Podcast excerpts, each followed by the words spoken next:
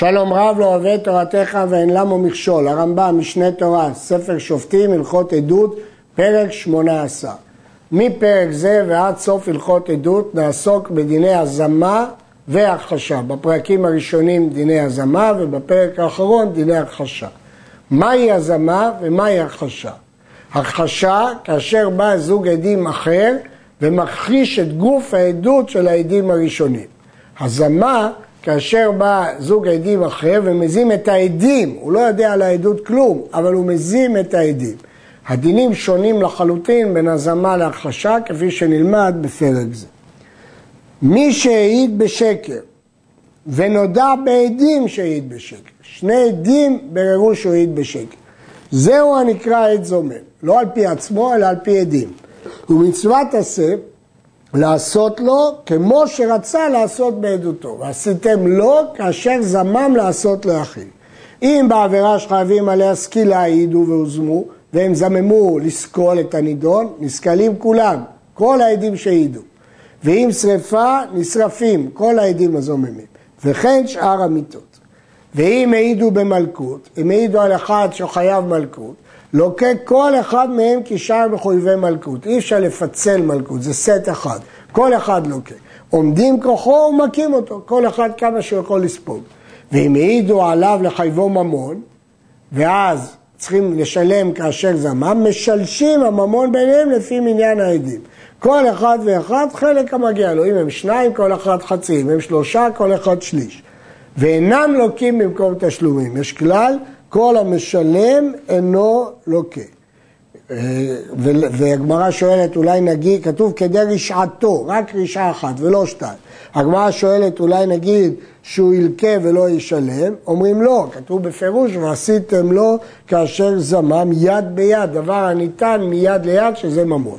ולכן אם יש ממון, אין מלכות. אם אין ממון, אז יש מלכות. במה דברים אמורים שנותנים עונש כאשר זמם? בעדים שהוזמו, אבל שתי קטעי עדים המכחישות זו את זו, אין כאן עדות, כי אנחנו לא יודעים מי שקרן ומי דובר אמת, ואין עונשים את אחת מהם, שאנחנו איננו יודעים מי הכת השקרנית, אנחנו לא יודעים את מי לענוש. אבל בהזמה אנחנו מאמינים לשניים ויודעים שהראשונים שקרנים. ומה בין הכחשה להזמה? מתי אני קורא לזה הכחשה ומתי הזמה? הכחשה בעדות עצמה, זאת אומרת היה הדבר הזה, זאת אומרת לא היה. או יבוא מכלל דבריה שלא היה. והזמה בעדים עצמם, עד שקר העד, לא העדות. ואילו אלו העדים שזימון אינם יודעים אם נהיה הדבר או לא נהיה, הם לא מעידים על גוף העדות, הם פוסלים את העדים, ולכן האחרונים נאמנים כי הם פסלו את הראשונים. שאין כן בעדות עצמה יש שתי קידוי העדות שמחרישות זו את זו. כיצד? עדים שבאו ואמרו ראינו זה שהרג את זה, או לבא מזה, ביום פלוני, מקום פלוני. ואחר שהעידו ונבדקו, באו שניים עדים אחרים ואמרו, ביום זה ומקום זה היינו עמכם ועם אלו כל היום, גם עם המלווה והלווה, ההורג והנהרג. ולא היו דברים מעולם, לא הרג זה את זה, ולא זה הלווה את זה, הרי זו הכחשה. שימו לב לדוגמה שמביא הרמב"ם, למרות שהם אומרים עמנו הייתם עם העדים, אבל זה לא הזמה, כי הם גם אומרים שהמעשה לא היה. וכיוון שאומרים שהמעשה לא היה, זאת הכחשה ואיננה הזמה. ולכן אם מעידים שהעדים וגם ההורג או גם הלווה היה איתנו, זאת לא הזמה, זה הכחשה. ראשונים אחרים חולקים על הרמב"ם בזה, ואומרים שכיוון שהם אמרו שהם היו עם העדים, מה אכפת אם הם היו גם עם המלווה הלווה או לא? זאת הזמה. לפי הרמב"ם זאת הכחשה. וכן אם אמרו להם, האח אתם מעידים כך וזה ההורג או הנהרג או הלווה, המלווה, היה עמנו ביום זה אחרת, הרי זו עדות מוכחשת, כמו כולם מסכימים, אף אחד לא חולק, כי הם לא מדברים על העדים, שזה כמי שאמר, לא זה הרג את זה, כי הוא היה איתנו, ולא זה הלווה את זה, שהרי עמנו הם, ולא נהיה דבר הזה. וכן כל קצר הדברים האלה, כל אלו זה הכחשה ולא הזמה. ובהכחשה שתי עקידות פסולות, אבל אף אחד לא נענש.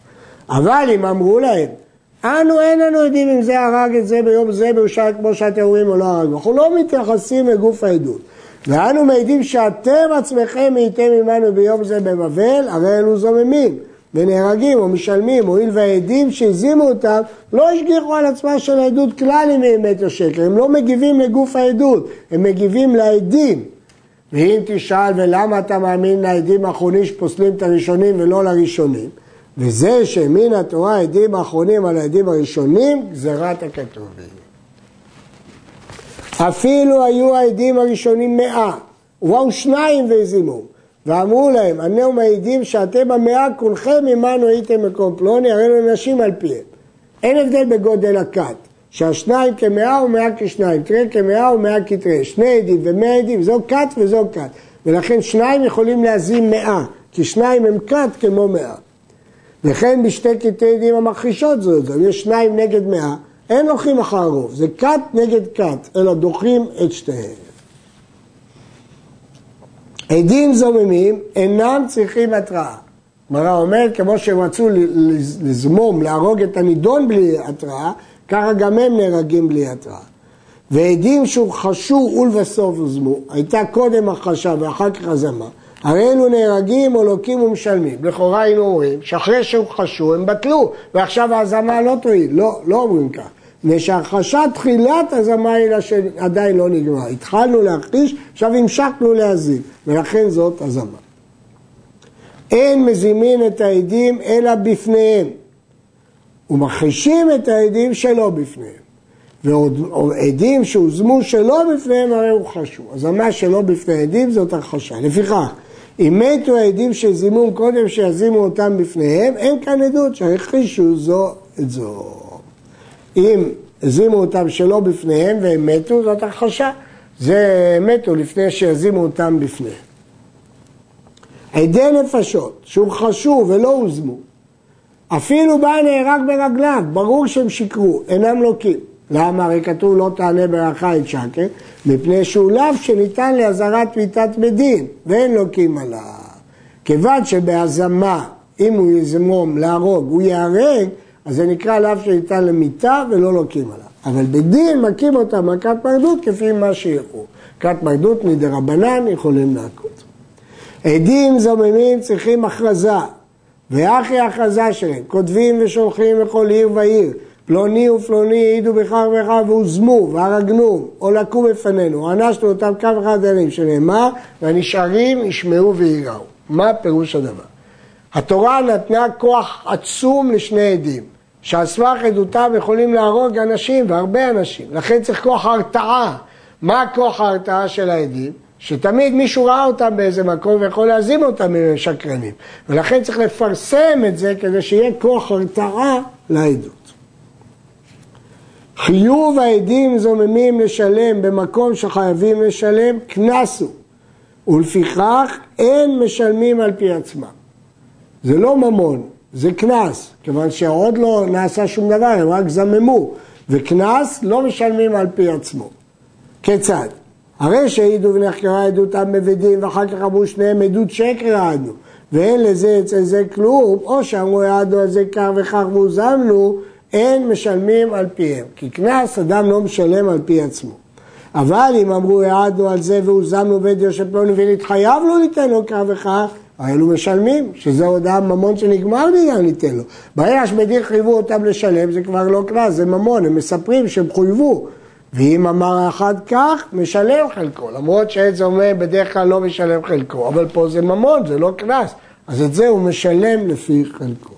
הטעם שחיוב עדים זוממים הוא קנס מפני שמשלמים רק על הזמם, כאשר זמם, למרות שעוד לא חויב ממון. לכן זה קנס, כי כל עונש שהוא לא פיצוי על משהו שאדם הפסיד, מהווה קנס. וכאן הנידון לא הפסיד כלום, רק זממו אותו שהוא יפסיד, ולכן זה קנס. למרות זאת יש דעת תנאים שזה לא קנס אלא ממון. הכיצד אפשר להסביר? אפשר לומר שההסבר הוא שהתורה חייבה את עדים זוממים שזמם שלהם הוא כמו מעשה. בהנחה שזמם שלהם הוא כמו מעשה, הם משלמים בדיוק מה שהם עשו, ולכן זה ממון ולא קנס. אבל ההנחה היא שזה קנס, כי סוף סוף בפועל לא נעשה שום דבר.